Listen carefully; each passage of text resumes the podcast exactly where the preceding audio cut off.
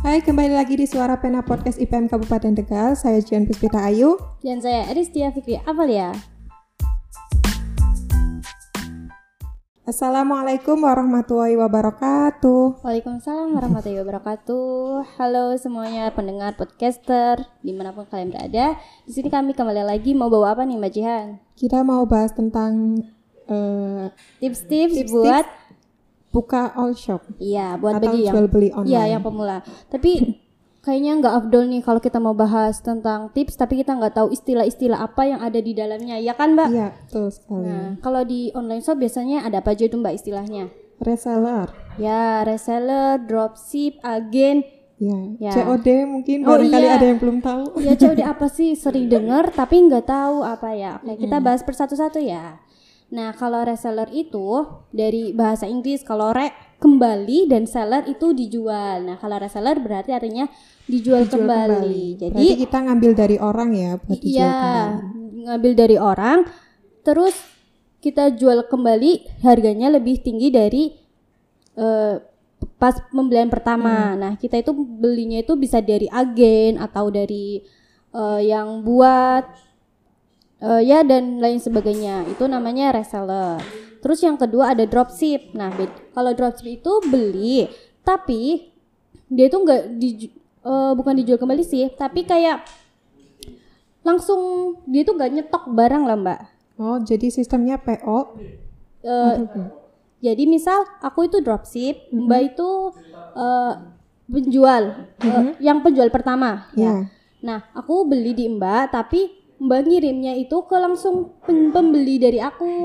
Oh, Oke, oke. Jadi eh misal Eris itu cuma sebagai perantara Iya, aja ya. iya betul. Kalau dropship itu eh, istilahnya perantara. Jadi aku nggak aku nggak nyetok barang sama sekali. Jadi tinggal sistem terima beres aja. Ada aku nawarin, aku promosi, terus ada orang yang beli di aku, aku beli lagi, terus barangnya langsung dikirim ke pembeli aku. Gitu. Jadi Eris cuma eh, apa? Orang-orang pada pesan terus kita terima uangnya aja. Iya, Kalau jadi- urusan kirim mengirim itu dari, Dari- agennya ya. Iya betul dari agennya itu. Jadi itu perbedaan dropship dan reseller. Jadi jangan kebalik-kebalik. Nah kalau buat kalian yang mau buka online shop harus tentuin dulu mau jadi dropship atau reseller. Nah itu tergantung juga sama kemampuan kita dari budget kita. Hmm, Nah tentunya kan kalau reseller harus nyetok barang nih. Iya. Jadi harus punya modal, Modal yang yang lumayan. Ya betul harus mempu- harus punya modal yang lebih besar daripada dropshipper.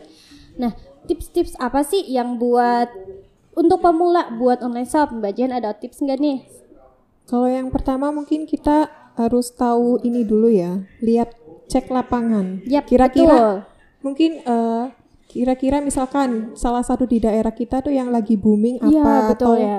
yang lagi Hits. hits itu apa? Mungkin makanan atau barang-barang lucu, Iya. mungkin yang harganya murah gitu. Ya betul cek kondisi ya yang mungkin kemungkinan bisa jadi penghasilan buat kita. Mm-mm. Nah yang kedua menurut aku mm, perluas periklanan ya. Iya. Jadi kalau biasanya kan kita cuma dipasang di story WhatsApp, Instagram, sama Facebook. Nah kalau dari aku eh, tips aja sih bila kalian itu benar-benar minat untuk dalam usia dalam usaha perdagangan Jual kalian beli online. Iya jual beli online. Kalian bisa mencoba jasa periklanan kayak eh, Facebook, Ads. Iya.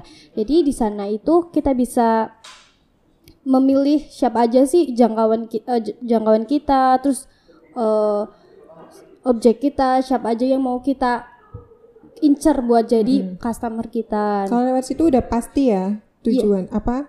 eh, tujuan kita jualan itu buat siapa gitu. Iya, udah bisa dipilih-pilih. Nah, terus juga eh, lebih meningkatkan traffic jualan kita. Jadi lebih banyak yang melihat iklan.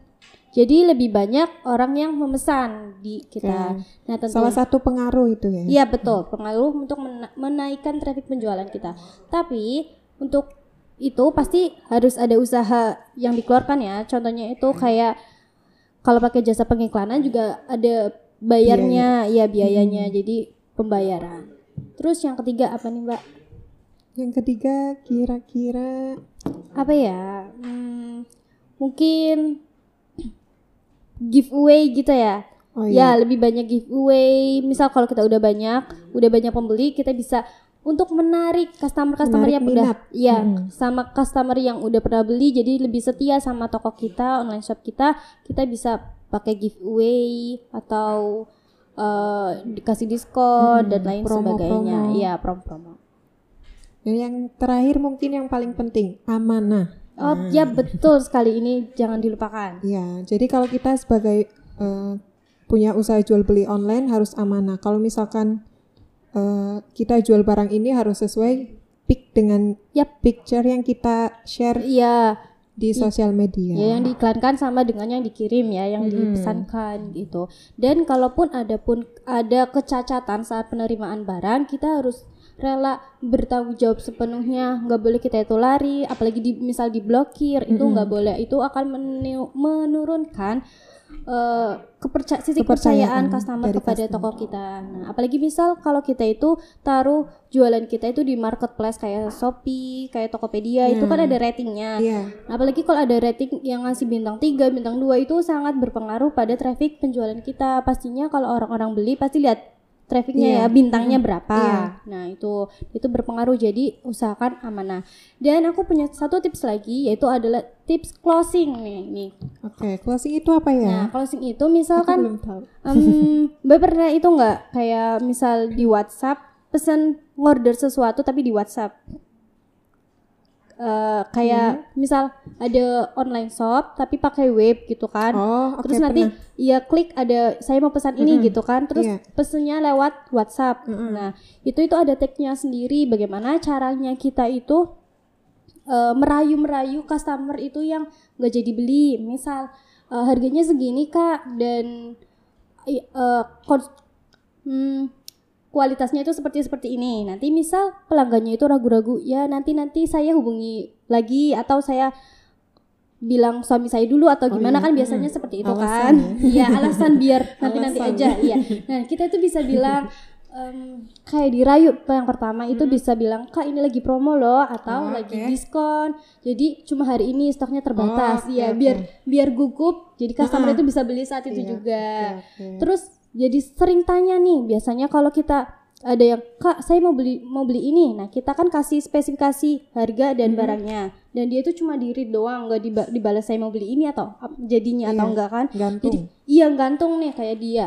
Jadi kita itu bisa kayak pancing lagi loh kita kasih berita pertanyaan pertanyaan terus bagaimana kak mau beli atau enggak ini kita ada hari promo atau gimana? Jadi kita tuh lebih mancing. Itu adalah salah satu tips closing iya jadi dengan cara itu kita bisa lebih baiklah dalam melayani calon customer kita Nah, jadi Oke. itu juga bisa menaikkan eh, kinerja online shop kita jadi on- eh, online shop kita itu jadi lebih baik jadi lebih terkenal jadi dengan pelayanan yang baik pastinya customer balik lagi dong Ah, Nah, Dan gitu. mungkin bisa jadi nge-share ke teman-temannya buat masuk ke Iya. beli ke online shop itu ya juga. recommended ya nah, oke itu tips, Tips dari Dan apa trik ya? ya, bisa tips dari trik dan eh, sedikit edukasi dari kita dari tim PKK IPM Kabupaten Tegal Oke. Mungkin itu aja ya. iya semoga bermanfaat semuanya Nun wal kolami wa mayasturun. Wassalamualaikum warahmatullahi wabarakatuh.